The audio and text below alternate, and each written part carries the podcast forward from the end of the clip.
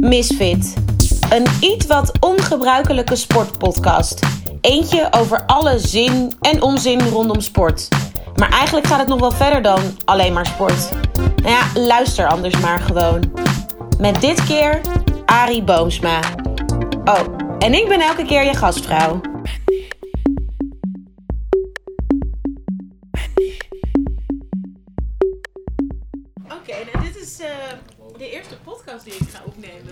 En dan mag het meteen met jou. Oeh. Ja, dat vind ik spannend. Ook wel, ergens. Ja? Ja, ja wel een beetje. Ehm, en eigenlijk ga ik met iedereen hetzelfde beginnen. Namelijk, eh, wat ontbijt jij altijd? Of tenminste, wat heb je vanochtend ontbeten? Ontbijt is bij mij eh, eigenlijk al heel lang min of meer hetzelfde.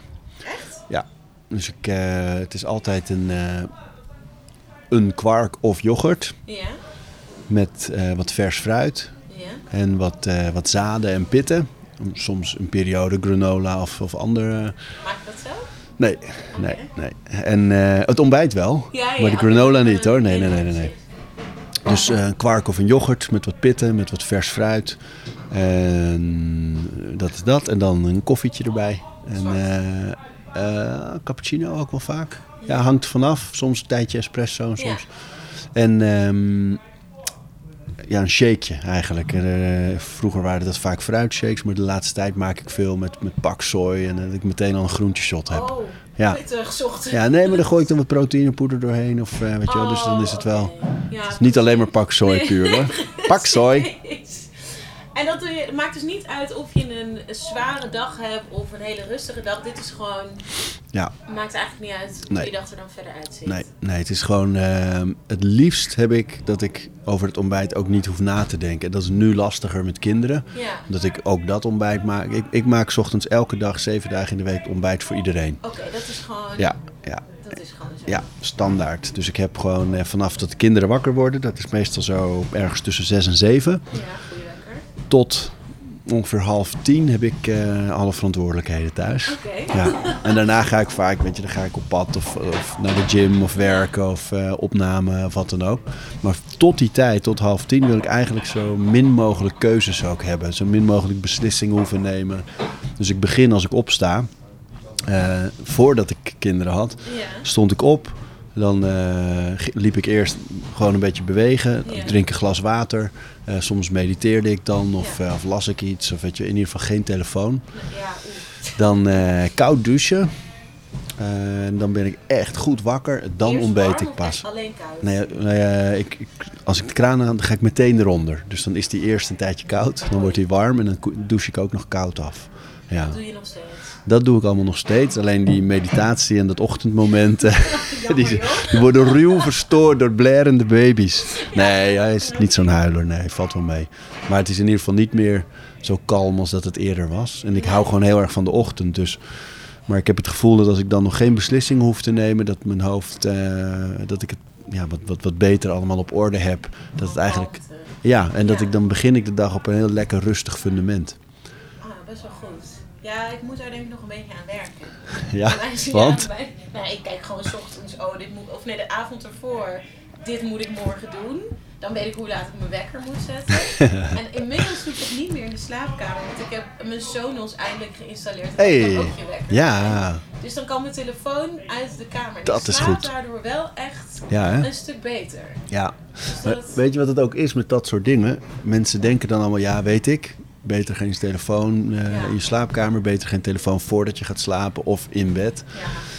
Iedereen weet het, bijna niemand doet het. En je merkt het ook pas als je al langere tijd eraan went dat je het niet meer doet. Dan begin je pas te denken, hé, hey, wacht even, ik slaap dieper. Ik ben meer geconcentreerd. Ja, precies. Ik doe het nog maar twee weken hoor, dus ik, Ja. zit nog niet in. De vruchten moeten nog geplukt ja, worden. Precies. Maar ik merk wel dat ik inderdaad kalmer slaap, maar wel dat ik een soort verslaving heb aan mijn telefoon, omdat ik 's ochtends als ik dan wakker word, Vraag je meteen af. ja, dan denk ik wel meteen wat zou ik allemaal gemist hebben. En dat is eigenlijk precies niks, want ja, hoeveel kun je nou missen in de nacht? Dat valt allemaal wel mee. Ja. Eh, daar merk ik bij mezelf wel een beetje aan. Ja, maar dat is nu, nu twee weken. Je zit Ja. gewoon in de afkikfase. Je, je trilt af en toe ook een beetje nog. Ik heb, Zweten. dat- heb je dat nooit? Dat je soms denkt, mijn telefoon gaat en dan, dan gaat hij eigenlijk helemaal niet? Heb jij dat nooit? Nooit, nooit. Nee, Oh. tuurlijk wel. Oh, Tuurlijk ik denk wel. al. Jawel. Oké. Nee. En dan, ehm, sport. Ja. We gaan het ook een beetje over sport hebben, maar niet alleen over sport, maar ook gewoon over jou en de nieuwe gym. En nu we het opnemen zitten we nog in Oost. We Ja. in Oost, maar Ja. straks, nou als deze uitkomt, is Zuid net een dag open. Dus dan, ja, Ja. dan weten we helemaal hoe het eruit ziet Oh. en alles. Ehm, maar jij sport elke dag, toch? Ja, beweeg. Ja, weet je, beweeg klinkt zo gek, want iedereen beweegt elke dag natuurlijk. Maar ik bedoel, ik noem het vaak bewegen omdat het voor mij meer is dan trainen. Ja. Ehm, dus ik, ik, ik zorg dat ik bijna elke dag wel iets in de gym doe. Maar bijvoorbeeld op zondag ga ik heel vaak gewoon een lekker een lange wandeling met het gezin maken. Dat Ja. is dan mijn beweging die dag. Of ik zorg dat ik wat extra fiets. Of... Dus het is niet alleen maar trainen met gewichten of zo. Het is gewoon, probeer elke dag minimaal een half uur, liever een drie kwartier, een uur Ja. iets te doen aan, aan intensief bewegen, laat ik het zo zeggen. Ja, want ik, het valt mij op, want ik moest nu op een heel andere manier in jou duiken. Not in a Ja. sexy way. Maar Klimmen. ja, omdat ik dan toch even op een andere manier erachter moest komen wie is Ari en, en ehm, wat wil ik dan straks nu van jou weten. Ja, ja. Ehm, en dat het wel een soort aanklacht lijkt te zijn van mensen dat jij te veel sport. Tenminste, dat is wat ik ongeveer overal tegenkom. En dat vaak ook wel een beetje op een negatieve manier. Tenminste, dat lees ik dan een beetje tussen de regels door. Ja, weet je, los van sport, eigenlijk eh, over de jaren, vanaf 98 al zo'n beetje in de media, maar vanaf 2005 echt met eigen programma's. en, Ja, ehm, alles wat ik doe heeft een, een core van eh, loftuiters, mensen die het allemaal heel tof vinden en leuk. En ook zeker een core van criticasters en mensen die het stom vinden of mij stom vinden. Of, ja, Dus dat is op alle vlakken zo. Elk programma dat ik maak, elke uiting die ik doe, eh, dingen die ik vind. Maar, en zeker ook met eh, de manier waarop ik bezig ben met gezondheid. Kijk, als je zelf dat helemaal niet eh, leuk vindt of interessant vindt, dan vind je het storend als daar iemand daar heel erg vol van is. ja. En ik hou daar ook eigenlijk helemaal geen rekening mee. Dus ik, eh, dat is volgens mij alleen maar goed. nou, weet je wat het is? Ik wil, ik, in mijn programma's ben ik op een gegeven moment gaan merken... en in mijn uitingen, media-uitingen...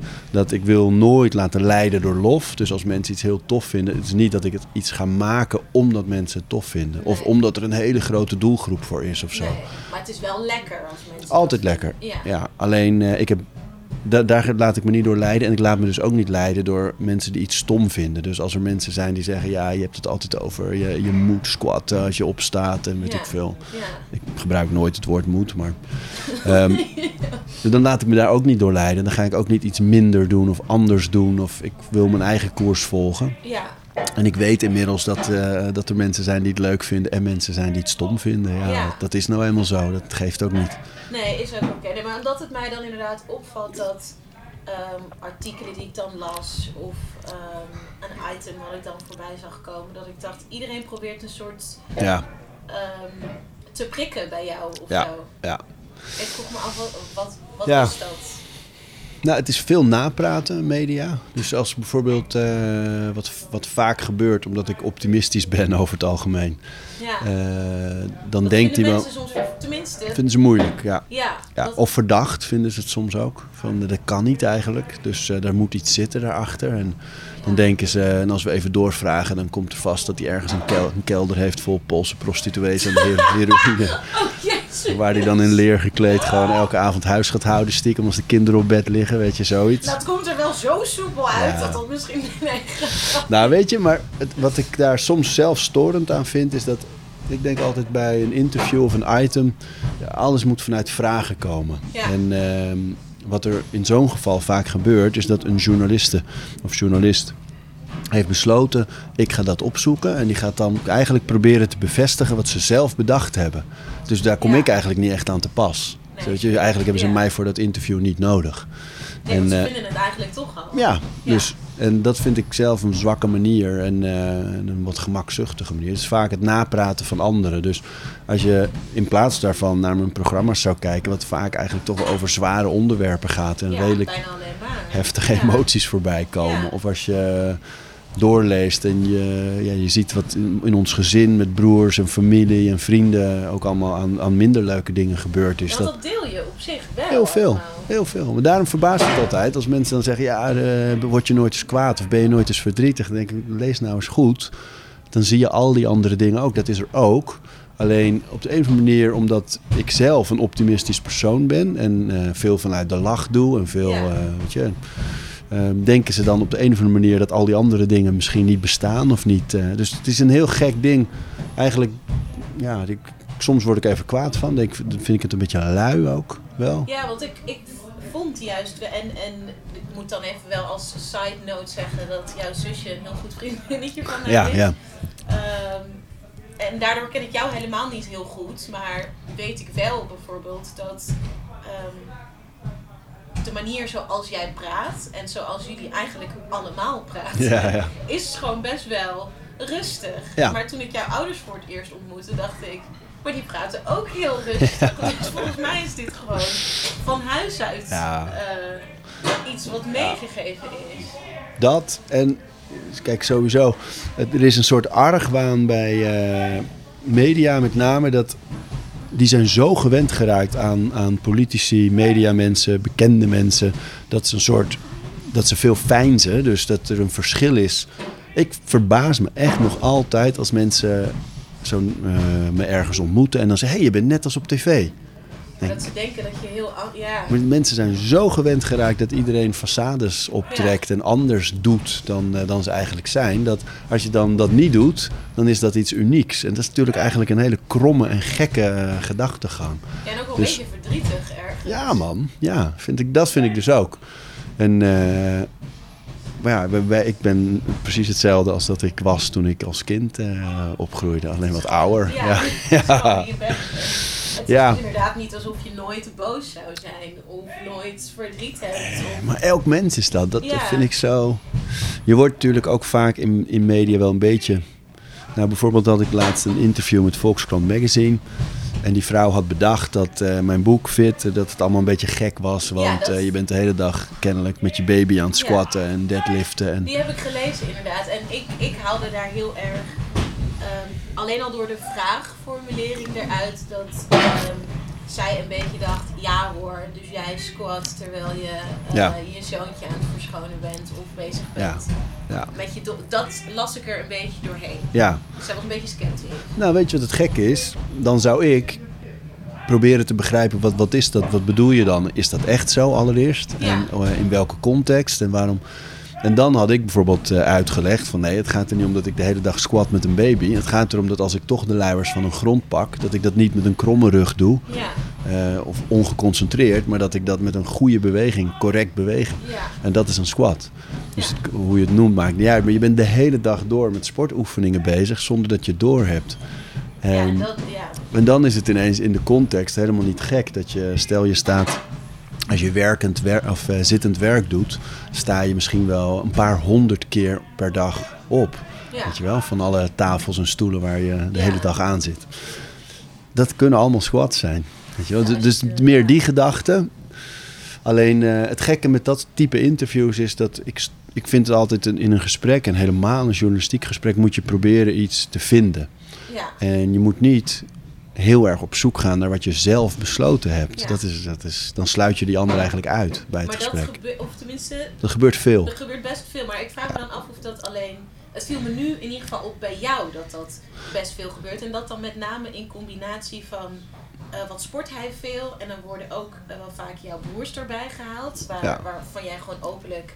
eh, en zij zelf ook wel vertellen dat ze verslaafd zijn geweest. En dan Ja. wordt er een soort Connectie. relatie ja, gezocht tussen het feit Ja. dat jij verslaafd zou zijn aan eh, sport. Maar dat vind ik nog wel interessant. Weet je, dat vind ik ook nog wel een, een vraag die van toepassing is eigenlijk, weet je wel. Als je, als je, wat je ook elke dag doet, ehm, ja, dan kan je altijd vragen, iets, wanneer wordt iets obsessief? Is het bij jou obsessief sporten? Nou, weet je wat het verschil... Nee, vooropgesteld. maar weet je wat het verschil ook is? Eh, obsessief of verslaving, dat is altijd iets waar jezelf allereerst, maar zeker ook je omgeving onder lijdt. Ja. Sterker nog, verslaving is gewoon een, een dodelijke Dood, ziekte. Ja, Ja. je dood, vaak dood van. Ja, ja. En, en in het geval van sport, als je obsessief of verslaafd daarmee bezig zou zijn, dan zou iedereen in je omgeving daaronder lijden. Terwijl ik denk, gedisciplineerd ergens mee bezig zijn, ehm, dat levert juist heel veel op. Dat maakt je leven rijker, geeft je meer energie om dingen te kunnen Ja. doen, geeft je de veerkracht om met dingen om te gaan. Dat zijn allemaal hele positieve dingen. Ja, ook iets negatiefs aan noemen? Ja, zeker, zeker. Kijk, wat, wat je bijvoorbeeld, kijk, bij krachttraining, fitness, is de makkelijkste manier om progressie te meten, eh, sterker worden of, of uiterlijk. Ja. Uh, dus heel veel mensen die in die wereld gaan bewegen, die kijken vooral naar hoe zie ik er nu uit, hoe wil ik eruit zien. Ja. En daar schuilt natuurlijk altijd ook het negatieve, want dat is nooit goed genoeg. Nee. Eh, er zijn altijd andere mooier, sterker, sexier, slanker, Ja. eh, rondere billen, noem maar op, weet je wel. Ja, daar zit ik goed op. man Bijzettafeltjes. Ja, precies. Nou, en dat is wel het gevaar. Dus ik kan zeker negatieve dingen en aspecten opnoemen. Dat is allereerst dat mensen te veel het, het uiterlijk als motivatie nemen voor training. Ja. Is Eh. bij jou alleen doel, uiterlijk? Dat... Het uiterlijk is een gevolg van wat ik doe. Ja. En het speelt wel degelijk mee hoor. Want ook ik zie, weet je wel, ik ben nu 44, dus ik kijk ook echt wel wat verandert er. Hoe kan ik dat tegengaan? Ben ik tevreden? Wat kan er anders? Ja. Ehm, en daar zit ook altijd wel iets. Daar moet je denk ik wel echt, ik ook, maar iedereen voor uitkijken. En, ehm, maar bij mij is het wel zo dat ik weet wel dat als ik elke dag train en ik ben op een goede manier met voeding en slaap bezig, dan is een sixpack bijvoorbeeld een gevolg van hoe ik leef. ja. Maar dat is nooit mijn doel geweest. Ik heb nooit bedacht, oh dan ga ik eens heel hard. Dat is een leeg doel. Het- dat werkt ook niet. Omdat, je het, omdat je het dan niet vast kan houden, denk je?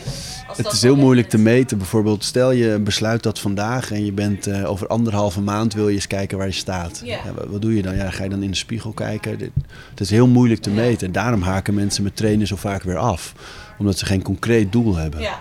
En jouw doel is dan, want je zei ook dingen tegengaan, gezien je leeftijd, is dan jouw doel? Ja, dat is niet een doel hoor. Nee, Nee? nee. Ik vind, eh, nee, ouder worden vind ik ook heerlijk eigenlijk. Het, het, het is wel zo dat ik, doordat ik ouder word, nu is het anders dan 20 jaar geleden toen ik Ja. trainde. Weet je? Ik, ik train al 30 jaar. Dat is, echt- dat is langer dan Ja, leeft. ja, zie ja, Moet je Ik kijken. zeg dat je heel oud bent. Nee, maar dat, maakt ook niet uit. Alleen het is dus wel, dat, dat is niet het doel. En eh, al die dingen uiterlijk. Tuurlijk is het fijn als je 44 bent en je kan nog gewoon alles doen fysiek. En ik heb de energie om als ik na een lange werkdag thuis kom met mijn kinderen nog te spelen. Ja. En ik heb geen pijntjes en geen dingetjes. Eh, dat vind ik wel allemaal heel, hele fijne bijkomstigheden. Ja.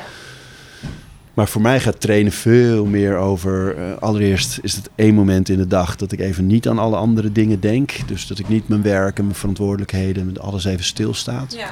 Je kan het dan gewoon even uitzetten. Voor Ja, en daarna heb ik ook vaak nieuwe ideeën. Weet je, dat, zo werkt het ook. Ja, Het zorgt dat ik optimistischer ben en veerkrachtiger. Dat ik, nog optimistisch. Ja, dat nee, maar ik denk dus echt- nu mensen denken aan nog optimistischer. nou, maar ik denk dat die met elkaar. elkaar te maken hebben. Dat, dat is het ook. Dat mensen zich dan afvragen hoe kan het dat je dan altijd zo optimistisch bent. Dat heeft voor mij daar heel erg mee te maken. Als ik drie of vier dagen eens een keer niet train, om welke reden dan ook, dan niet dat ik dan meteen eh, depressief ben of zo, maar dan ben ik wel. Ja, dan ben ik wel min, ik ben minder veerkrachtig. Dan komen Ja. dingen harder aan. Dan heb ik minder gevoel voor humor. Weet je, dat, is- dat is allemaal tot dan glijden. Eh, de wat valsere dingen eh, glijden minder snel van me af. Ja. Weet je wel? Terwijl normaal, ja, dat is een beetje zoals een eend. Weet je, die druppels zo eraf. Ja, dat, is dat bij jou zo? Met negatieve... Ja. Ja, ik kan dat normaal gesproken heel goed hebben. Wa- Waar ik, als het echt onrechtvaardig is. Dus als er echt is, eh, ergens iets geroepen wordt waarvan ik denk, wat? ja. Dan is het anders soms. Maar meestal kan ik, eh, kan ik goed omgaan wel met, met kritiek en met... eh, ja. Wat doe je daarmee dan? Als mensen inderdaad zeggen, jij sport te veel of eh, je bent te optimistisch of... eh, Ah, weet je, kijk... Uiteindelijk gaat het vooral altijd over de mensen zelf. En als je dat goed voor ogen houdt, dan is, alles minder, komt alles minder hard aan. Dus iemand die zegt, jij sport te veel. Of ja, jij hebt het makkelijk, want jij hebt een eigen gym. Of eh, Ja. weet je, al- allemaal dat soort... Het gaat vooral over de mensen. En, Ja. en mensen... Liefst willen mensen natuurlijk horen, je kan precies zo blijven leven als je nu wil. en dan is dit... Maar als je dit doet, weet je, dan blijf je slank en gezond en dan leef je tot je honderd bent Ja, en dan, dan ben je vrolijk. En, Ja, en, dat, en dat is niet zo. En, Nee. en iedereen die niet bereid is ergens offers te brengen of een soort evenwicht te vinden in het leven, dat, dat werkt. Ja, Ehm, als je daar ontevreden over bent, dan ben je al helemaal natuurlijk boos op iemand die daar heel erg mee bezig is. ja, want je bent er wel echt... dag, laten we het dan niet sporten noemen, want dan lijkt het inderdaad misschien alsof je elke dag onwijs in de Nou, dat is ook wel. Ik ben ook echt wel zes dagen in de week in de gym hoor. Dus dat mag je best zeggen. mag ja, dat mag best. Want ik vind dat namelijk heel positief. Kijk, Ja, voor mij is het een anker in mijn dag. Dus ik heb ehm, de structuur in mijn agenda is om sporten heen gebouwd. Maar daardoor heb ik veel tijd, voor mijn gevoel, altijd om, om andere dingen te doen. en denk jij dat, ehm, bijvoorbeeld wat jij nu inderdaad zegt, dat je de rest eromheen plant, omdat het, het moet gewoon een deel van jouw dag zijn. Ja, Ehm, dat mensen daarom denken dat het een soort obsessie zou kunnen. Is- Ja. Kijk, uiteindelijk, iedereen heeft tegenwoordig het gevoel dat ze druk hebben. En, Dat vind ik iets heel irritants. Ja. Als mensen dat zeggen. en, dat en het als iets positiefs zien ook. Ja, Ja, ik vind dat hinderlijk. ik ook. En weet je, het is ook in 100% van de gevallen een beslissing als je druk hebt. Dat Ja. is niet een... eh, Het is meestal management van je tijd. Tuurlijk. In 100% van de gevallen bedoelen mensen, als ze zeggen ik heb het bijvoorbeeld te druk om te sporten, dan bedoelen ze andere dingen zijn belangrijker. Dus Ja. in alle gevallen is dat zo. En eh, dus ik vind dat daar kan nooit de kritiek liggen. Maar als je vindt dat iemand die elke dag in de gym is, obsessief dan al is, dan zou ik kijken, maar wat doet die persoon dan nog meer? Ja. Hoe is de rest van de dag? En eh, ik heb mijn werk, verschillende soorten werk, eh, mijn gezin. Dus ik probeer mijn tijd probeer ik goed te verdelen. Ja, En eh, daar ben ik wel bovengemiddeld veel mee bezig. Dus het was wel, nu ik een gezin heb, is het wel heel anders geworden. Dat ik, ik spreek bijvoorbeeld zelden af in de avonden. ja, Of ik zorg dat ik sowieso een paar flinke dagen thuis ben. Ook Ja. gewoon met de kinderen. Weet je? Niet, niet één dag in de week, maar nee. Sowieso twee, drie volle dagen. Dat ik er gewoon ben. Ja. Ja, want ik, ehm, ik hoorde jou in een eh, andere podcast, in Wilde Haren. Kleine shout-out. Met Jiggins, hoorde ik jou eh, wat zeggen over ehm, dat mensen best wel veel van jou willen. ja. En precies wat je nu zegt, je hebt gewoon een, een hele drukke agenda, doet best wel veel, waaronder elke dag sporten. En ik zag een artikeltje wat ik eh, toevallig gisteren naar jou doorstuurde. Ehm, omdat er een, een, een vrouw was die een week lang Ja. een mail had beantwoord met eigenlijk allemaal van die auto-reply. Eh, Dus dat deed me toen aan jou denken. En eh, toen zei je, nou ik heb inmiddels een, Ja, ja. eh, een antwoord. Nou, ik heb jou net gemaild. Ik verwacht geen antwoord terug, maar ik vond dat... Ik moest net even hardop lachen toen ik jouw auto-reply terugkreeg. Omdat je daar dan ook gewoon... Nou ja, inderdaad precies uitlegt hoe druk je, hoe, hoe druk je bent. Zonder dat je zegt, ik ben enorm druk en ik heb er eh, geen tijd voor. Maar ook wel weer een soort van vriendelijk. Ja.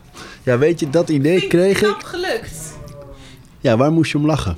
Nou, gewoon om de hele opzooming. Ik werk deze drie maanden aan programma's. We openen een derde vondeltje. Nou, die is dan nu dus geopend. Ik werk weer aan een boek. En weer een boek. En Ja, ja.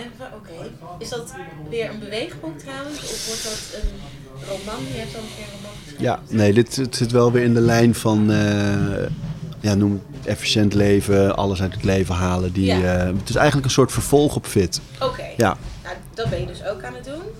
Ehm, en je moet je op die projecten concentreren, daar heb je tijd voor nodig. Maar je moet ook voldoende thuis zijn met je gezin. Dus je plant geen extra afspraken meer in. Neem geen nieuwe opdrachten aan. Doe geen interviews of andere media opdrachten. Dus beoordeel geen ideeën en zal je mail dus hoogstwaarschijnlijk niet Ja. ja. En dan moest ik gewoon om lachen. Nou, maar weet je, ik, ik hoorde dit. eh, ik was heel veel bezig met hoe hou je in onze tijd, waar overal altijd afleiding is. En Ja. we willen overal zijn en we willen dat nog en dat nog. En wat ook fantastisch is aan deze tijd. Ja. Alleen daardoor ontstaat wel echt iets dat je gewoon altijd wel iets kunt doen en ergens kunt zijn. En ik denk dat ik al redelijk goed was in nee zeggen. Alleen ik merkte wel dat ik in uren Ja. nou ja, bijna twee werkdagen, normale werkdagen, in uren kwijt was in de week aan mail beantwoorden, weet je wel. Gewoon of doorsturen of wat dan ook. Maar dat was gewoon echt, eh, echt veel tijd. En toen hoorde ik in, ook in een podcast ergens mensen praten over the art of gracefully saying no. Ja. En eh, Dat is dat het, best moeilijk af en toe. ja hoor. man, maar dat het een kunstvorm is om, om op een, nette manier nee te zeggen. Ja. En ooit had ik al, nou, Marije ken je, mijn zusje, Ja. die had ik al, daar werk, die werkt echt met mij samen. Ja. Onder meer om op een nette manier te bedanken voor alle verzoeken. Ja. ja, dat kan zij heel goed. doen. Heel goed. niet zozeer naar mij bedoeld, maar gewoon Nee. in zijn algemeen. Ja. Want zij heeft dat. Ja, eh, ze want weet goed. Ja. Maar weet je, want het is. Mijn programma's zijn altijd maatschappelijk. Eh, nu is de sportvariant erbij gekomen met de gyms. ja. Ehm, en ik loop al lang mee. Dus je hebt, op een gegeven moment gaan er echt blikken vol verzoeken over. Van hele kleine dingetjes. Van het openen van een bibliotheek. Of het leiden van een maatschappelijke discussie in, eh, in Hoenderloo. Of tot eh mediaoptredens of, eh, of, of late night of pauw. Of noem het allemaal maar op. Alles bij elkaar dus ben je gewoon zoveel tijd aan kwijt om nee te zeggen. Dat ik dacht, ik moet iets doen in die mail. Dat eigenlijk 80, misschien wel 90 procent van de mailtjes die binnenkomen meteen al beantwoord ja. zijn. Mijn is niet beantwoord. Nee, maar je hebt hem ook pas vandaag gestuurd. hey, hey. dat is zeker. waar. Nou, maar dat is wel het moeilijke. Want op een gegeven moment krijg je dus mailtjes van mensen die je kent. En dat maakt het lastig. Ik heb toch nu nog wel een paar keer dat ik dacht... oh ja, dan moet ik even iets achteraan sturen. Want het is ook wel weer... Ja. Weet je wel. Maar ik, ik merk gewoon dat op het moment dat ik even geen afspraken plan extra... buiten wat er al staat... even eh, geen ideeën beoordeel. Want dat is nog het meest. Dat mensen programma-ideeën, boekideeën... eh, Oh, je bedrijfsideeën allemaal... Of emotionele ontboezemingen... Ja. En eh, echt van alles. Dus nu probeer ik gewoon in één mail eigenlijk al die dingen meteen maar te vangen. En te zeggen, hey, sorry, leuk dat je aan me denkt. Of bedankt voor je mail. Ja. Maar ik wil me gewoon Maar nee. concentreren. Ja, ja. Maar, maar dat maakt wel, vader zijn wel makkelijker. Dat op het moment dat je kinderen noemt, begrijpen mensen sneller. Oh ja, Was het daarvoor minder? Ja. Dat mensen daar... Oh, echt? ja, ja, ja. Ja, de- daarvoor was het veel vaker, ja, maar dit is toch heel erg leuk. Of het is toch heel erg goed. Of het is Oh, toch een ja, heel zo. belangrijk doel. Ja. Of... eh, Ja, maar je blijft bezig natuurlijk. Dat is het. Ik was, toen ik alleen woonde, eh, was ik echt zeven dagen in de week gewoon op pad. Dus of voor opname of voor dit soort extra werk en klussen. En, eh, en eh, ook omdat het heel leuk is allemaal. En, maar vind je op die momenten ook nog tijd voor jezelf om dan... Ja, dat is nu natuurlijk alweer een tijdje geleden. Maar vond je dan ook het ritme om wel te Ja. blijven sporten en goed te eten en Ja, te juist. slapen? Ja, juist. Omdat ik wel... Ik heb ook echt mijn periodes wel gehad met dieptenachten in, eh, gekke ritmes. En Ja. eh, weet je wel, de, de hele de drank en drugs eh, ook allemaal wel gezien en gedaan. En ging je dan juist ook dan wel sporten? Ik probeer dat. Ja, dan train ik wel. zit nu in die. in Je die zit erin. Ja, dat ik, nou ja, soms inderdaad heel laat naar bed ga, maar ik probeer mezelf dan wel te dwingen om de volgende dag juist wel iets te gaan doen. Ja, Zodat ik, Ja, weet je, ik deed dat toen ook wel. Alleen het lastige is dat je, als je geen ritme, ritme is alles. ja, Het is makkelijker om iets elke dag te doen dan elke maandag, woensdag, vrijdag. Of, eh, en, Ja. en het moeilijke is met als je je bedtijden alle kanten op gaan, dan is je ritme zo snel weg. Dus als jij om 4, 5, 7 uur in, in bed ligt, s ochtends, dan, ja, dan weet je gewoon, die dag ga je niet voor 12 uur echt, echt iets, iets doen. En, eh, maar de volgende dag ben je misschien, omdat je moe was, eh, om tien uur naar bed te gaan. Dan sta je om zeven uur of acht uur op. En dan heb je, dat, dat ritme is heel lastig om daar iets op te bouwen. Hoe lang heb jij dit, heb jij dit soort fases gehad of eigenlijk nooit heel lang? Nee, nooit lang. Nee. Ehm, nou, omdat ik de leeftijd dat de meeste mensen echt er vol ingaan. Toen basketbalde ik in Amerika. Dus dan deed ik hoogstens als ik in de zomer even in Nederland was. Dan had ik het gevoel dat ik iets in moest halen. Ja, en dan mocht het ook. Weet je, Ja. Het is allemaal legaal hier. Ja, En dat, precies, en toen, ja. de Amerikaanse vrienden konden zich dat ook niet voorstellen. Dus dan, maar dan was het ook een zomertje. En, eh, en toen ik terugkwam heb ik even een, een paar jaar gehad dat ik het echt veel deed. Omdat ik echt een inhaalslag maakte na zes jaar Amerika. En ehm, toen heb ik nog een tijdje gehad na een lange relatie. Dat ik, eh, dat was toen over. En toen dacht ik, oh, nu ga ik eens even een paar jaar even helemaal gewoon lekker. Maar toen wer- werkte ik gewoon, dus ik ging niet eh, op woensdagavond of zo. Nee. Maar wel gewoon in het weekend. Gewoon wat veel mensen doen eigenlijk. Ja. En nu? Nu niet. En nu merk ik ook dat ik het minder goed begrijp. Dus als ik nu bijvoorbeeld, als ik om eh, half negen zaterdagochtend eh, naar de gym toe fiets met Bobby voorop, mijn dochter. eh, zij gaat dan naar de opvang in de Oh, gym een uurtje en ik ga een uurtje trainen. En daarna gaan we via de bakker naar huis, weet je. Ja. Dan ben ik helemaal fris en dan, dan zie ik soms mensen fietsen in die grimmige, Ja, oh, die doorhaalstijl. Ja, toen, dat, toen kwam ik vanuit het radion in, in West. En toen moest ik naar Oost. En toen kwam ik langs Vondelgym uh, op de Overtoom. En toen dacht ik alleen maar, als er nu maar niemand naar buiten komt. Tot mijn hele hoofd was beglitterd en zat scheef. Nou, maar dat is toch ook... Ja, het is mooi. Maar ik, ik keek toen wel even de gym in en zag dat er al mensen aan het sporten waren. Ja. Toen voelde ik me wel een beetje slecht over mezelf. Ja, maar dat vind ik dus, dat, dat hoeft niet. Kijk, ik heb wel dat ik, dat ik dat niet meer goed begrijp. Dus dat ik, terwijl ik het zelf allemaal gedaan heb, Ja. dat ik nu wel denk, oh ja, waarom zou je jezelf dat ook weer aandoen? Oh, zo erg? Nee, dat, dat, dat voel ik nu dan. Hè? Ja, Zo, eh, precies. zonder oordeel, want ik, want ik begrijp het en heb Ja. het gedaan. En eerlijk gezegd vind ik het ook gewoon leuk. En ik vind het ook mooi in onze gym dat er juist eh, ook heel veel mensen zijn die daar ook nog in zitten, maar Ja. ook serieus sporten. Dus die hebben een soort evenwicht gevonden of ze zoeken het, Ja. waar sport wel echt een mooi deel van uitmaakt en goed eten. Maar wel ook, eh, dat andere doen ze ook vol overgave. Dus die gaan ook wel vrijdag en zaterdag of, eh, Ja. of donderdag gaan, gaan ze er flink in. En dat, dat vind ik ook wel bij de tijd horen. Alleen ik denk wel, voor mij eh, werkt het niet nu. Ik moet er niet aan denken dat ik om zeven uur thuis zou komen en dan zijn mijn kinderen Ja, al wakker. Is dat, ligt dat ook niet aan kleine kinderen nu dan? Nou, ik heb het. Nee, ik, ik, ik heb daar veel met vrienden over die ook kinderen hebben. Dat je hoort soms ook wel eens ouders van: Oh, ik heb zo'n behoefte om even met z'n tweeën. Of oh, ik, ik, heb even, ik wil een pilletje of een dingetje. En ik denk omdat Romy en ik, mijn vrouw, eigenlijk al die dingen wel gedaan hebben. Dat ik, wij hebben nooit het gevoel van: Oh, ik mis dit of zo. Of ik, we hebben dat wel gezien en gedaan. Ik sluit ook niet uit dat, weet je, dat je dat misschien ooit nog eens. Dat maakt allemaal niet uit.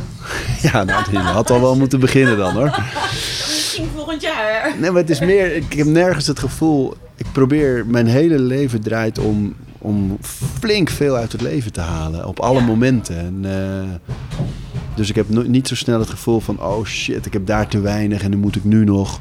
Dat is allemaal wel gezien en gedaan. Is En, alles wat jij doet echt vol erin gaan? ja, denk het wel. Ja? Ja. Maar ook. ehm, ja, ik, ik heb niet zo echt het gevoel dat er an- iets anders ook bestaat eigenlijk. Dat je, er is niks ergers dan aan het einde van de dag denken... oh ja, hoe was deze dag nou verschillend van die van gisteren? Nee. Dus ik probeer wel altijd... Het is ook een van de dingen die ik bewust doe. Dat ik aan het einde van de dag ook nadenk van... wat was er mooi aan vandaag? Of wat was er bijzonder? Waar ben ik dankbaar voor? Of, Schrijf je dat op? nee, even- Soms wel, als ik, als ik periode wat minder goed slaap, dan eh, schrijf ik s'avonds met pen op een papier wat ik de volgende dag wil of moet doen. En ik schrijf een paar dingen op waar ik dankbaar voor ben. Dat geeft gewoon rust. Ja. Is Alleen, dat nog eh, een soort geloofding? Of is dat gewoon... Nou, bidden doe ik ook wel. Dat is niet echt een geloof. Geloof wel, zeker nog. Ja. Eh, maar dat is niet een geloofding Nee. voor mij. Nee. Want ik zeg niet, ik ben dankbaar aan God of zo. Of, Dat niet. Het is meer. Bijvoorbeeld laatst dat we ineens die periode van mooi weer hadden. Ja. Terwijl het al best wel koud was geweest. En dat je op straat gewoon echt iedereen ziet van... Wow, we krijgen gewoon een soort cadeau. Ja, Iedereen was blij. Ja en nee. Ik ben die Greenpeace meid, hè? Ja, ja, ja, ja. Nee, maar dat heb ik ook. Dat je dan denkt... Oei, ja, wat betekent dit eigenlijk? Het is natuurlijk ook niet helemaal normaal. Ik heb er ook van genoten hoor. Niet dat ik, ik bedoel, ik ben ook met mijn hoofd in de zon gaan zitten en dacht, yes, een beetje extra vitamine D kan inderdaad. Maar ook dat ik dacht, oh Ja. die mensen, wat zijn nou aan het doen? Ja, ja. Dat is eigenlijk helemaal niet goed. Nee, nee, daar ben ik met je eens. Maar wel dat ik in die periode ook wel dacht van... Nou, dan fiets je ineens weer gewoon met je t-shirtje Ja. eh, rond. Je voelt de zon op je gezicht. Zodat gewoon, en die vrolijke gezichten overal om me heen. Maar mensen worden wel, ja, vind ik vaak, Ja, in de ja, zomer. ja, En gaan meer kleren uit. ja. Als is goed. meer- Lekker ja, bloot. gewoon Hup. een beetje bloot. Ja. Dat moet gewoon, moet inderdaad kunnen. Maar ja, dat zijn van die kleine dingen. Daar kan ik dan, of eh, dat ik iets zie op straat wat ik mooi vind. Of weet je, van die kleine dingen van dankbaarheid. Nog even los van alle mooie dingen die er gebeuren in het leven. Wat had je gisteravond bedacht waar je dankbaar voor was? Weet je dat nog? Ja, mijn dochter had een tijdje een ontstoken oor. En dat was gisteren wel een beetje over. Dus dat was één ding. Deels om haar weer wat blijer te zien. Ja. Want ze had echt pijn daarvoor. Ja. Maar ook gewoon uit eigen belang. dat, Om te kunnen slapen. ja man, dat ze iets was, was zeurderig jongen daarvoor.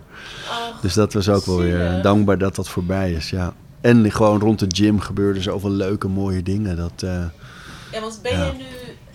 De gym is dan nu nog niet, nu wij hier zitten, nog niet open. Is het dan voor jou nu extra belangrijk om een goed ritme te hebben? Want je hebt al twee gyms. Het is weer zo'n Ja. ding. Je gaat er dus wel meer dan 100% bijna in. ja.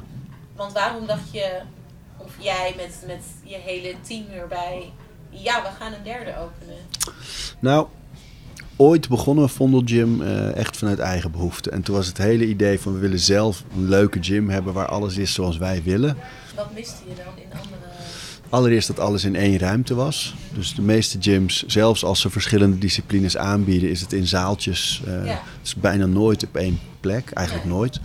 Dus dat. En ik dacht, ik had een, ik had een yoga-abonnement, ik, had een, ik ging ergens boksen, ik ging wel eens crossfitten, ik ging wel eens een park in en ik had een fitnessabonnement. Dat is eh, Ja, drie- lekker, ja. Drie, vier abonnementen, ja. Ja, stom. Ja, En eh, dus toen dacht ik, dat moet gewoon onder één dak allemaal kunnen. Al die disciplines die Ja. bij nu horen. En dan eh, gewoon in één ruimte, zodat je altijd de energie voelt. Oh, daar zijn ze bezig met een les. En daar zijn ze aan het verzamelen om te gaan hardlopen. En ondertussen hoor je mensen op die zakken rammen. En dat is gewoon eh, een beetje Spartaanse opleidingstuingevoel. ja. Dus zo is het begonnen. En toen hadden we gewoon vrienden, kennissen, gelijkgestemden. En dat zat binnen een half jaar vol. Hadden we gewoon een wachtlijst. ja. Toen dacht ik, oh wacht eens even. Natuurlijk, er zijn heel veel mensen die het fijn vinden om ja. aandacht, kwaliteit, lekker veel energie erin. eh, ja, de- die dat ook willen. Dus toen begonnen we eigenlijk pas na te denken over... hé, hey, dit, is, dit kunnen we gewoon nog een keer gaan doen. ja. En dat was eerst het enige. Laten we het gewoon nog een keer doen in een ander deel van de stad. Het begon, eigenlijk- je dacht eerst één, dat ging goed. Ja. Oké, nou misschien dan nog één. Ja, maar er was nooit het plan om er tien gyms te hebben. Of Nee. om het hele land of internationaal. Weet je, dat soort dingen. Dat waren helemaal niet eh, ambities. Waren. Nou, meer eh, gyms is wel nu. Nu hebben- komt er een derde. En dan, ja, dan voel je al snel. We zitten dan met de Overtoom. Het is eigenlijk natuurlijk centrum. Ja.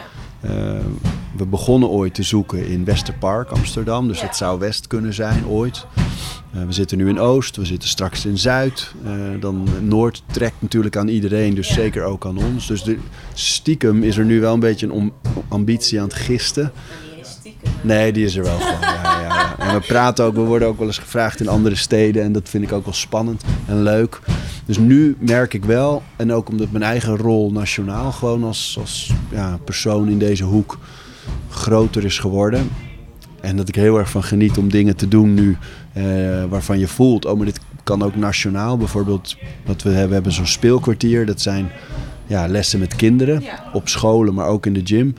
Daar denk ik van, ja, maar als je de samenwerking aangaat met gyms door het hele land en scholen door het hele land, kan je gewoon nationaal een mooi beweegprogramma uitrollen. Dat, dat soort.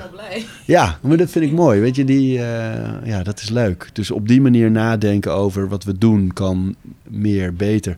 Het moet alleen altijd heel rustig gaan. En, en wat mensen vaak doen als een onderneming een succes is, dan gaan ze heel hard beuken. En dan moeten er tien zijn en zo snel mogelijk. Ja. En wat wij. Hier is nu de eerste... Ja, die is bijna vier jaar, januari vier jaar. Ja. En eh, dus eigenlijk pas als stel dat Zuid nou ook weer een succes wordt en die begint op een gegeven moment vol te raken, dat zou het eventueel moment zijn om na te gaan denken over een vierde, Ja. maar niet eerder. Maar ze raken allemaal wel heel snel vol. Want ik zit nu zelf een halfjaartje bij Vondel Gym. En ik, ik wilde eerst nooit, omdat ik dacht dat het mijn plek niet zou zijn. Ja, En waarom? dat hoor ik wel eens vaker van Ja, mensen. ja, ja. Nou, Ja. ik dacht, en weet ik eigenlijk niet eens, ik dacht daar lopen alleen maar van die ziek fitte mensen rond. Misschien is dat wel jouw schuld, weet ik niet. Maar ik dacht, er lopen daar alleen maar mannelijke en vrouwelijke Aries rond. En dan kom ik. En dan. Nou. en ja, nu inmiddels. Ik ben nu veel aan het sporten. Ik, ik ben nu, mijn vrienden vinden nu dat ik te veel sport. Terwijl. Maar, maar, maar dat, hè? in de week. Voor, want, want dat is echt een interessant punt. Want dat is inderdaad een, iets dat vaker voorkomt. Maar eerst even over, wat zou te veel sporten? Waarom zou iemand van een ander zeggen, je sport te veel? Wat, Ja, wat is de zorg? Maar ik voel me nu dus iets meer aan jouw kant. Omdat ik denk dat ik eerst had gedacht... Het virus, je hebt het, Ja, het is gebeurd. Jezus, Arie, doe even kalm met je zeven dagen. Misschien dat ik dat dan ook wel had gedacht. Van nou, ik kan toch ook even chips eten op de bank. is ook heel leuk. En nu ben ik zelf die meid geworden die dan... Maar waarom? ehm, nou, ik word er wel rustig van. Mooi is dat, toch? In end, ja. En ik dacht ook nog dat ik nooit degene zou zijn die gewichten leuk zou vinden.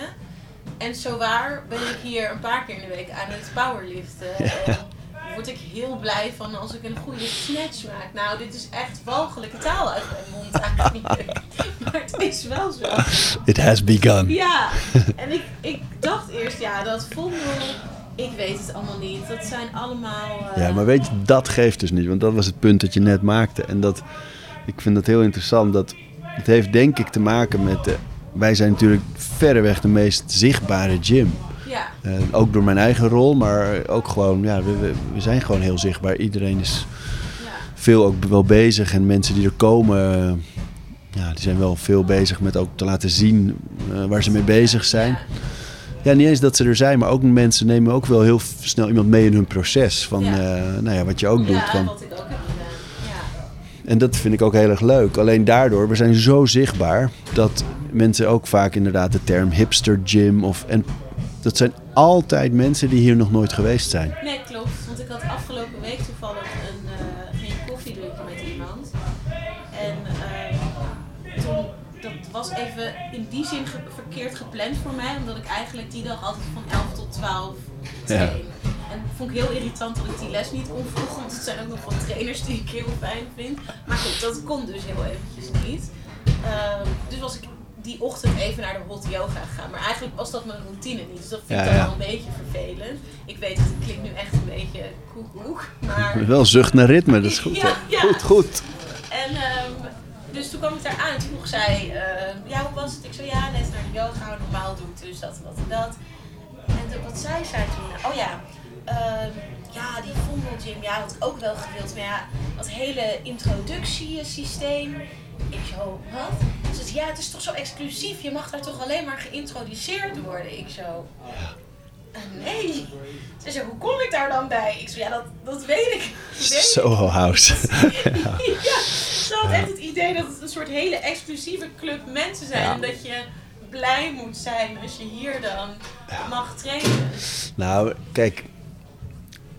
Eerst dacht ik daar wel eens van... eh, moeten we daar iets tegen doen, weet je wel? Om eh, alleen maar ander type beelden dan of zo naar buiten te brengen... om dat een beetje te ontkrachten. En later Ja. dacht ik, het geeft ook niet. Op het moment dat het zo zou zijn...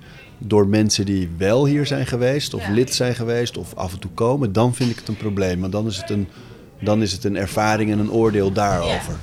Alleen op het moment dat het een, een beeld is dat mensen hebben zonder ooit zelf getoetst te hebben, dan vind ik het niet zo erg. En, en het leuke is, in 100% van de gevallen als mensen dan ge- geweest zijn, denken ze, hè? Het is gewoon, Ja, hoe, ik vind het grootste compliment van de mensen die hier allemaal trainen. En in die stronger eh, lessen Ja. bijvoorbeeld voor, voor vrouwen. Maar zeker ook bij crossfit en kickboksen. Mensen die zeggen, ja, ik, hou nooit, ik heb nooit zo van sportscholen gehouden. Maar hier vind ik het leuk. ja. Dat vind ik het grootste. Ja, maar ook mensen voelen zich veilig. En daar gaat het voor mij over. Ja. En dat is eigenlijk precies het tegenovergestelde van dat beeld dat die mensen hebben van iedereen is fit en eh, iedereen is al helemaal klaar eigenlijk. En, Ja, eh, dat dacht ik ook. Ik dacht, dan kom ik hier. En toen uiteindelijk heeft jouw zusje mij een keer meegesleept naar een crossfitles. Nou, daar ben ik drie keer overleden. Eh, maar is oké, toch zit ik hier weer. Ehm, en toen dacht ik eerst, nee, ik ga zelf met een trainer hier aan de slag. Want ik, ik begreep ook al die termen niet. Want dat vind ik nog steeds wel iets Ja. heel verwonderlijks in Ja. fitness. Dat het is natuurlijk allemaal Engels. Maar dan is er een beweging en dat heeft dan vijf Engelse termen. Dat Ja. je dan denkt, Ja, maar dat is ook, ik, eerlijk gezegd, het is geen onzin natuurlijk, want het zijn gewoon termen uit, Ja. in dit geval eh, uit Olympisch weightliften, Ja. de snatch en de jerk. En, alleen, ik denk dat is helemaal niet het belangrijkste. Alleen het, het draagt wel bij aan het gevoel als je daar niet zelf eh, van op de hoogte bent, kan het het gevoel versterken als je een gym instapt van oh, al die andere mensen snappen het al. Die kennen die termen en die weten hoe dat moet en ik niet. En ik denk, het is de taak van de gym om te zorgen dat iemand zich nooit zo voelt. Dus dat je Nee. iemand er meteen bij betrekt. En dat gewicht gaat de lucht in. Joh, hoe jij het noemt, maakt, maakt helemaal niks uit. als maar, Als die maar correct is, ja.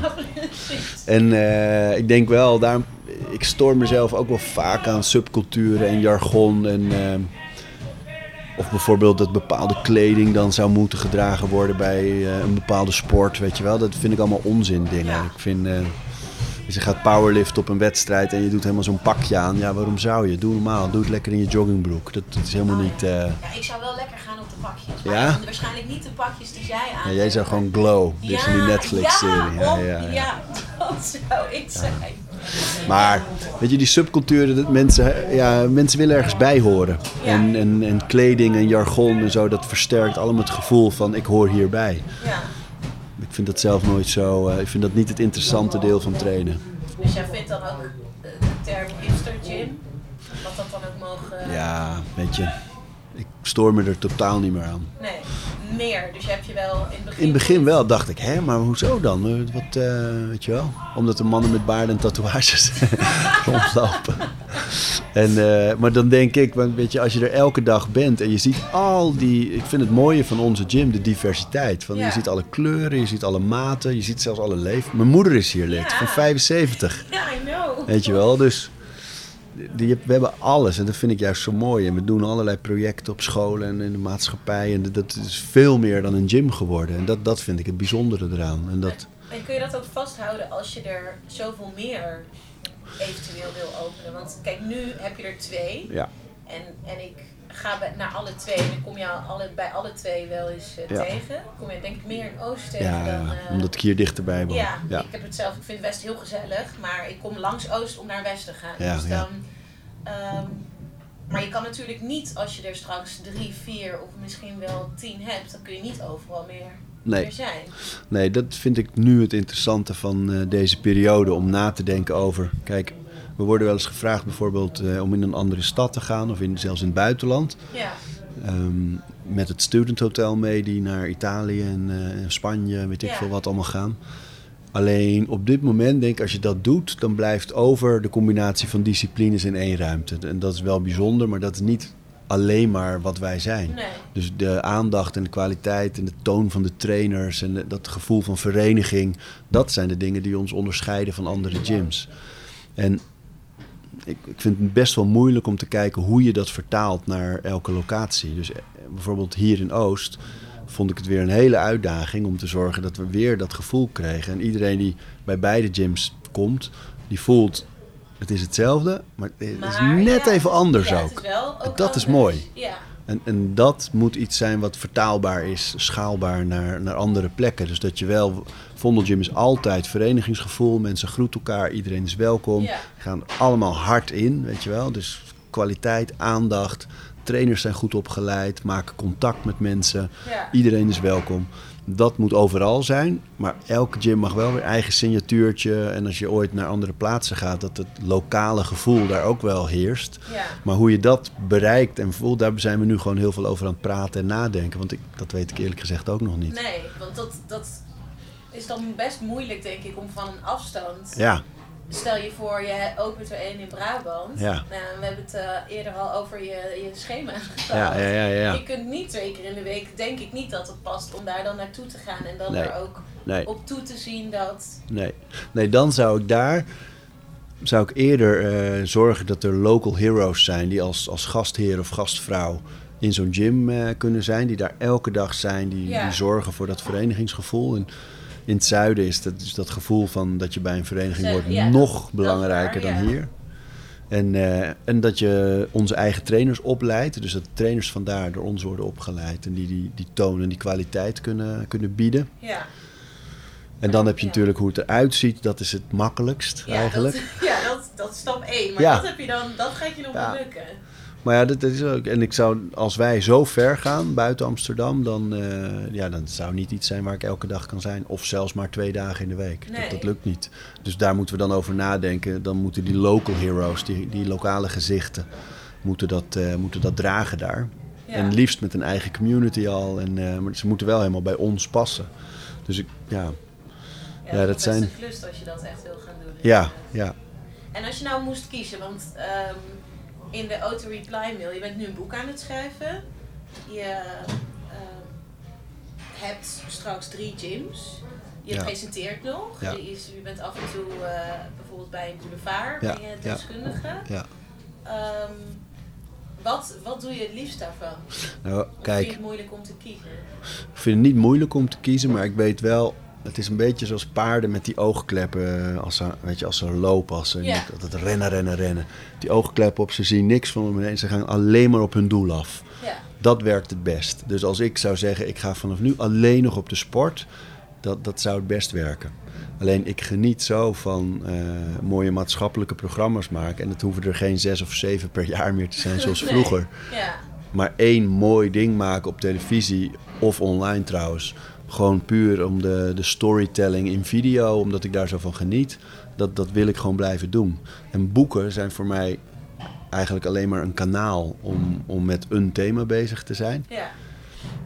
Eerder was het zo dat als een onderwerp me heel erg bezig hield, dan ging ik kijken, kan ik er een programma over maken? Hij is en zij of uit de kast of ehm, kan ik er een boek over maken? Kan ik er een live avond over organiseren? Maar is het bij dat soort programma's dan trouwens zo dat het ehm, vanuit jou komt? Of is er dan een omroep of, of zender die dat format heeft liggen en denkt, daar Meestal- zou Arie goed bij passen? Nee, meestal kom ik met het thema.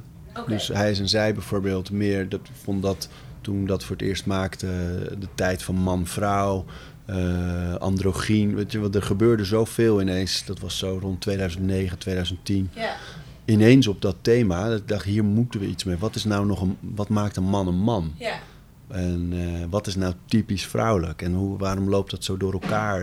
ja. Eh, in combinatie met dus dat, eh, het, hele genderdysforie, eh, de, de Ja, aandoening, ja. explosief toeleek te nemen. Dus toen dacht ik, daar moeten we iets mee. En dan komt er wel vanuit de omroep of een producent iemand bij die echt een format bouwt, die echt tv van maakt. Ja. Dat is niet mijn talent. Of, Nee. eh, Ja, je is niet... iets waar je niet kan. Nee, nee, eh, er zijn heel veel dingen hoor. Ja, nee, ik vind ook altijd zaak om goed te weten wat je wel en Wat je niet wel kan. kan, ja. Dus ik kan, in hij is en zij, dan, dan, bedenk ik wel een titel. Of, eh, en ik weet ook wel een beetje waar we naartoe moeten ermee. Alleen eh, de producent maakt format. En met uit de kast. eh, ik kwam net van de EO, had daar heel erg geprobeerd een programma over geloof en homoseksualiteit te maken. Omdat ik dat relevant vind. Ja, Niet gelukt. En bij de KRO, waar ik toen terecht kwam, zeiden ze meteen... dat thema, daar gaan we eerst mee beginnen. ja.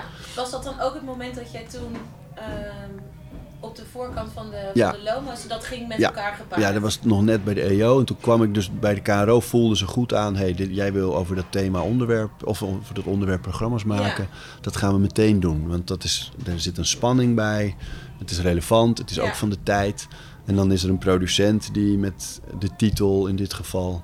of het hele concept kwam. Ja, Ehm, dus zo gaat het meestal. Dus ik heb eigenlijk vooral de thema's of een beetje mijn radar uitstaan. ja. En het is ook wel eens zo dat een omroep of een producent aanklopt met een idee dat ze bij me vinden passen. En wat is, zijn dat meestal ook echt dingen die bij je passen? Of? Ja, ja. Bijvoorbeeld eh, het programma van Hagelslag naar Halal. Oh, Dat ging over Nederlandse meisjes die zich bekeerd hadden tot de islam. Ja. Die gingen op reis met hun moeders, die Ja. daar moeite mee hadden. Dat heeft iemand anders tota- totaal bedacht. Maar die wisten wel, je bent veel bezig met dat vraagstuk. eh, religie, samenleving, ouder-kindrelaties. Ehm, dus zo gaat het dan. Dat, dat gebeurt ook wel eens hoor. En nu, in deze fase, wil ik zoveel mogelijk op die andere manier werken. Dus dat ik de thema's aandraag. En gewoon één ding, twee dingen per jaar maak, eh, max. Dus ik ben nu met heel veel dingen ook aan het Dat is voor stoppen. sommige mensen al veel, hè? Ja, alleen ik kom uit tien jaar lang zes tot zeven programma's maken per jaar. Ja, Dat is veel. ja. Dus eh, ja. En er zat dan ook wel eens een thema-uitzending bij of een ding. Ja, En ik merk nu, nu Vondelgym zo groeit, dat ik daar, daar veel meer aandacht en energie voor nodig. En ik merk dat ik moeite begin te krijgen met eh, de mechanismen van televisie. en wat bedoel je daarmee? Eh, we hebben een idee. Er is een zenderbaas of een netcoördinator of iemand moet zeggen, ja, dat, dat mag. Ja, En dan gaan we het eh, in november in het schema zetten. Ja. En jullie krijgen zes afleveringen dinsdagavond om half negen. En dan zeg je ook nog tegen een kijker... op deze vaste avond in de week mag je je televisie aanzetten om dit te bekijken. ja, Dat vind ik allemaal zulke gekke ouderwetse mechanismen. Dat, is ook. Online is dan meer... ja, veel leuker. Ja. Ja. Doe je meer- dat ook? Niet heel veel nog, maar wel steeds meer. Ehm, en we, hier bij de gym bijvoorbeeld maken we af en toe formatjes. eh, Stronger Than Your Boyfriend, Nutrition Nerds. En daarom sport ik. Echt allerlei kleine formatjes. En daar is het gewoon, we hebben een idee. Wie moeten we erbij betrekken om het te maken? en dan gaan we het go. maken. Ja, dat is het fijne van ehm, Ja. niet alle... En weet je wat leuk eraan is? Ik heb het gevoel dat we, we hebben met die gym een mooie community van leden. En ik merk dat dit voor mij ook wel een tijd is om me meer op die community te richten. Dus dat we bijvoorbeeld met podcasts of video, dat we dingen maken voor die community. En al het andere wat erbij aanhaakt, fantastisch, van harte welkom. Ja. Maar laten we ons op die, die kleine groep, die hele zuivere doelgroep richten. Ja, ja. weet je wel? En dan het is eigenlijk zoals we de gym ook gebouwd hebben. En ik, ik merk dat ik er ook wel een soort vrede mee heb om dat met televisie ook steeds meer te doen. Dat het een, een kleine groep die heel erg ergens mee bezig is, bereikt, Ja. dan miljoen kijkers. En, en, en ook omdat ik het gevoel heb dat, dat dit de tijd daarvoor is. Dus dat je een kleine hechte doelgroep hebt, Ja, liever dan de, de ja. massa. Dus dan zou je kiezen voor één maatschappelijk programma in een jaar. Ja, denk, ja het liefst een mooie docu-serie of weet je, dat, Is er iets wat, wat je nu opvalt in de maatschappij waarvan je denkt, daar wil ik nog wel... zelfmoord onder jongeren, om het maar even vrolijk te houden. Oh, nou, dat is Ja. gezellig. Nou, dat vind ik een heel interessant thema, omdat het zo explosief toeneemt. Eh, daar ben ik ook over aan het praten nu met de EO om daar een serie over te maken. Ja. Ehm, En dan in Nederland wel? ja, Of- ja, ja, ja, ik ga niet meer reizen. Die, eh, nee, hoor. even voorlopig. Nee, nee. ja, dat klinkt ook zo. Nee, nu, ik heb werk heel veel gereisd voor Ja. werk. En eh, ik vind mijn- nu de leeftijd van mijn kinderen vind ik het en niet leuk om weg te zijn van huis. En ook gewoon, eh, ik heb het gevoel dat ik te veel mis. Als ik nu een week weg ben, weet je wel. Nee, dat, dat wil ik gewoon even niet. Ja, ja, maar echt. Ja. Dat wil ik gewoon niet. Dus dat, dat is ook reden om met sommige tv-programma's nu te stoppen. Gewoon omdat, ja, dat, dat kan gewoon niet als je En niet wat valt reist. er dan altijd als eerste af qua soort programma's? Is het dan het minst maatschappelijke dat je daarvan denkt, nou dat mis ik dan het minst? Nou, nu heel praktisch ben ik net gestopt met Grenzeloos Verliefd. Omdat dat eh, veel reizen Reizen, ja. eist. Eh, dat, dat was een hele simpele beslissing. Ja, En eh, ja, verder is het eigenlijk meer zo van wat wil ik gaan maken. En dan moet ik zorgen dat het gewoon één programma is. En dat ik niet ook nog dat andere en ook nog dat. Oh, want het is zo leuk. ja. En hoe kwam je bij eh, zelfmoord onder jongeren? Want het is niet Ja, nee, maar het is wel Dat echt... niet, maar- Ik vind het gewoon echt een thema van nu. Het heeft te maken met eenzaamheid. Het heeft te maken met de façades die we creëren. Eh, ik vind ook die DJ's en, en acteurs die Ja. dan ogenschijnlijk enorm succesvol zijn. Die doen, ja, precies dat. Die doen eigenlijk wat heel veel jongeren beogen of willen of zouden willen, waar ze van dromen. En dan niet gelukkig, zelfs zo ongelukkig dat ze liever er niet zijn. Ja, dat vind ik zo'n groot gegeven van nu, van deze tijd. ja.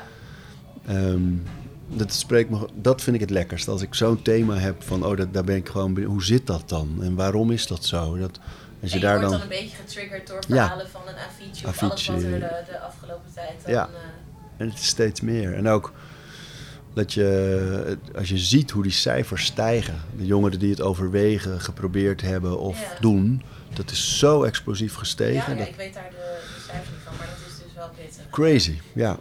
Dus dat, dat maakt zo'n onderwerp interessant. En ik vind het hele fenomeen eh, trial by media vind ik Ja. erg interessant. Ja, Ehm, dat gebeurt zo, ja. Ja, Maar daar, ja, daar zie ik nog niet echt een format in, maar wel dat het iets is waar ik iets mee zou willen. En, eh, en ja, het blijft voor mij altijd interessant om met groepen waar vooroordelen omheen te, heen hangen te werken. Om verhalen te vertellen van mensen. eh, waardoor je ze beter leert kennen en waardoor je zo'n groep beter leert begrijpen. En dat kan. Is dat uit je eigen interesse, omdat jij altijd dan zelf benieuwd bent hoe het echt zit bij, zeg dan even zo'n groep, dat klinkt even heel onvriendelijk, maar Ja, ook, maar ook wel uit een behoefte. Kijk, ik geloof toch eh, dat de samenleving altijd mooier is als er meer harmonie is en meer begrip. Ja. En eh, dat kun je in het klein doen bij een bedrijf zoals Vondelgym. Dat is eigenlijk een micro-samenleving waar Ja. je hetzelfde probeert.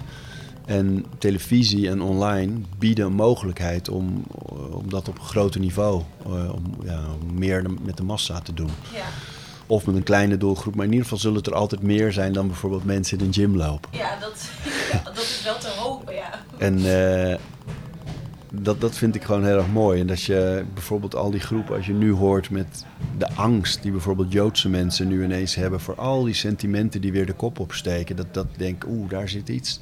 Of de vooroordelen die we nog altijd hebben over moslims in onze samenleving. Eh, maar ook onschuldiger. eh, de, de clichés en de dingen over veganisten en, en fit girls. En, Ja, oh, dan ja, ja. noem je er twee. Nou, precies dat gevoel. Er zijn zoveel groepen in onze samenleving waar allerlei stigma's, vooroordelen en, en beelden eh, omheen hangen. Ja. En, en het kan, kijk, je kan humor met fit girls en vega's. Dat, dat is natuurlijk allemaal, daar kan je heel veel humor in kwijt.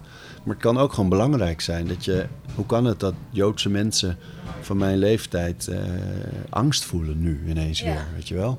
Hoe kan het gewoon dat het weer aan de hand is? Dat vind ik hele. Dan kan je met televisie of online met video. kan je daar gewoon hele goede stappen in zetten. Ja. Nee, dan zou je dus eigenlijk niet willen kiezen als het erop aankomt gym of Nee, eigenlijk alles wel echt ja. blijven doen. Wat ik wel zeker weet is dat ik niet alleen maar voor televisie zou kunnen kiezen. Dus ik, Je moet altijd wel... de gym is voor mij zo, dit is echt mijn plek. En ik, voor het eerst heb ik ook echt die hele directe voldoening. Dus met televisie en boeken, natuurlijk kom je dan ook kijkers tegen of lezers die zeggen: hey, tof of leuk of hey, Ja. mooi of hey, maakte dit los in mijn leven. Of dat, dat is ook allemaal mooi. Ja.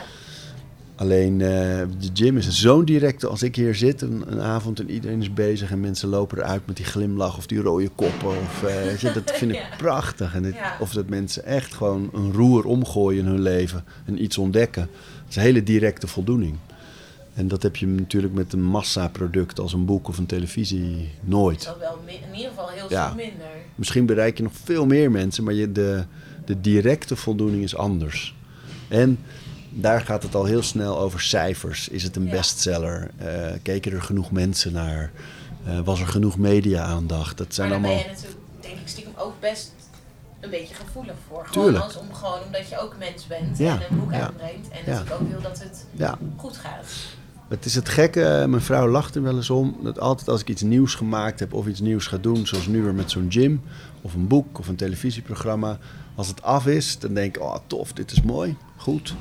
En vlak voordat het uitkomt, word ik onzeker erover. En denk ik: oeh, eh, gaan mensen het wel lezen? Oeh, eh, gaan er wel mensen lid worden? Oeh, gaan er wel mensen kijken? Eh, Gewoon eigenlijk gaan zoeken. ja, Toch? het is heel normaal. Alleen ik, dat gaat bij mij best wel ver. Dat ik dan ook echt denk: nee, dat gaat deze keer niet gebeuren. Echt? Nee. En dan heb ik 13 boeken op mijn naam staan. En elke keer zeggen. weer. Ja, Het is niet je eerste boek of Nee. zo. En ze hebben allemaal verkocht. ja, ja. Ben je is heel, maar je eh, gaat nu ook weer schrijven. Dus het is toch... Ja, nee, maar ik, vind, ik schrijf elke dag. Ik vind schrijven gewoon... Gewoon leuk. Ja, heerlijk. En ik vind het een mooie manier. Het is een hele andere manier van eh, kennisdeling. Of inspireren, of wat het ook maar mag zijn. Of Ja. verhalen vertellen. Het is, het, is het, het langzame denken en dat vind ik leuk. Dat vind, televisie en video is, is snelle prikkels. Ja. In de gym is natuurlijk alles live. En dan heb je met boeken word je gedwongen in een ander tempo. En dat vind ik heel Stop mooi. allemaal tv dan. De gym is live. Ja, zo klinkt het wel. Ja, ja. Van ja. dat rustigere media. Ja. En, eh, Maar kiezen, nee, ik zou nooit alleen maar televisie willen doen. Ik, denk dat ik wel alleen zou kunnen schrijven. Maar ik, die, die gym is voor mij inmiddels wel echt een eh, hele belangrijke basis in mijn leven. stiekem is dat dan wel één. Ja, qua werk wel. Ja, Ja. ja. En dan Ja. daarna misschien. Ja, maar ja, weet je, die anderen sluiten daar ook wel bij aan. Ik maak ook video en tv over, Over, gymachtige dingen. En ik Ja. schrijf ook boeken over gymachtige dingen. Dus daar voelt al, al wat meer eenheid. Ja, Fitboy ben je. ja. .nl. Fit, fit meneer. Fit meneer. Wel, ja. Fitmeneer.nl. Fit meneer. Nee, oké. Dan ehm zijn we gewoon een beetje aan het einde gekomen, denk ik. Nog dingen die jij... Hoe vond je het je eerste podcast? Ja, eh, wel leuk, denk ik. Ja, lekker Ja. babbelen. Ja, Ja. een beetje kletsen met mensen. Dat is eigenlijk best gezellig. Nou, ik ben benieuwd ook naar de rest van je serie. Ja. Wel leuk dat je het doet hoor. Ik ook. Ja. Ik, ben er, ik ben er ook benieuwd. Maar je vindt het ook leuk dat je het doet, toch? ja, dat. Nee, ook ik heb geleerd dat je gewoon meer dingen moet doen die je leuk vindt. Ja, Gewoon echt. fuck it, fuck Ja. system. En Ja. doe gewoon wat je wil. Ja, het moeilijkste is altijd om te zorgen dat er helemaal zelfstandige, dat je dingen doet die je leuk vindt, maar je wil ook eten. Ja, En- uiteindelijk wel. Het lekkerste is natuurlijk altijd als de dingen bekostigd worden en, eh, of iets opbrengen. Maar ik, ik geloof heel erg in deze aanpak. Dat als je maar gaat en doet en, en blijft geloven en Ja. blijft maken, Je, hebt, eh, je moet die Seth Godin eens opzoeken. Dat is echt een soort marketing. Seth Godin is, ja, het is een van de, denk wel toonaangevende marketingmensen in de wereld. Veel boeken, veel eh, New York bestsellerlijst, maar hij heeft ook blogs. Hij schrijft elke dag een blogpost. Elke dag. Al, eh, al jaren echt. Lees jij ze ook?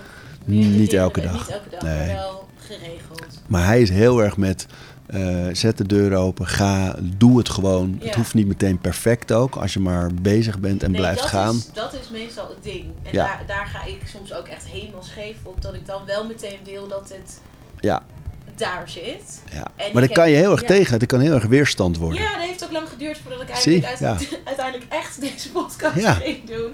Omdat ik dacht, oh, een uur. En ik heb nog nooit echt ehm, voor audio mensen een uur moeten interviewen op de radio. Nee. Nou, mag je blij zijn als het vijf minuten is. Ja, ja, commerciële. En dan komt er nooit, daar ga je nooit echt Nee. goed met mensen praten. Toen dacht ik, en dan ook nog Arie als eerste. Ja, ja. En je kan hem ook altijd nog als derde plaatsen, hè, deze. Nee, hij Kan nog. altijd- Nee, Kan nog. ik heb het nu al gezegd. Oh. gezegd. En ik ga er niet in knippen. Zo ben ik dan ook. Nee, dat is goed, ik, voor podcast. Lekker Ja. hoor. Gewoon, dit is Ja. wat het is. En als er foutjes in zitten. Of eh, mensen horen een kuchje of iemand die hier heel Of die zakken de hele tijd. Ja, dan moeten we nog... eh, Dan is dat maar zo. Want ze zaten nou eenmaal in een gym. Dus ja, dat eh, hoort er toch bij ook. Ja. Nee hoor, ik vond het ook leuk. Thanks. Dank. Ja. Ja, En dan, nou niet tot een volgende, maar wel tot in de gym weer. ja zeker. Gaan zeker. we een keer samen, mag ik een keer met jou workouten? Ja, gezellig. Ja, ik denk dat ik dood ga, maar... Ja, nu moet je eigenlijk elke podcast mee eindigen met die vraag. Tegen iedereen. Oké. Akkoord. ik heb mezelf niet meer iets op We hebben een format. Ja, oké. nee, dan ga ik een keer ook met jou... eh, Leuk. Ja, ja, gaan we welkom. doen. Welkom. Thanks. Jij ook.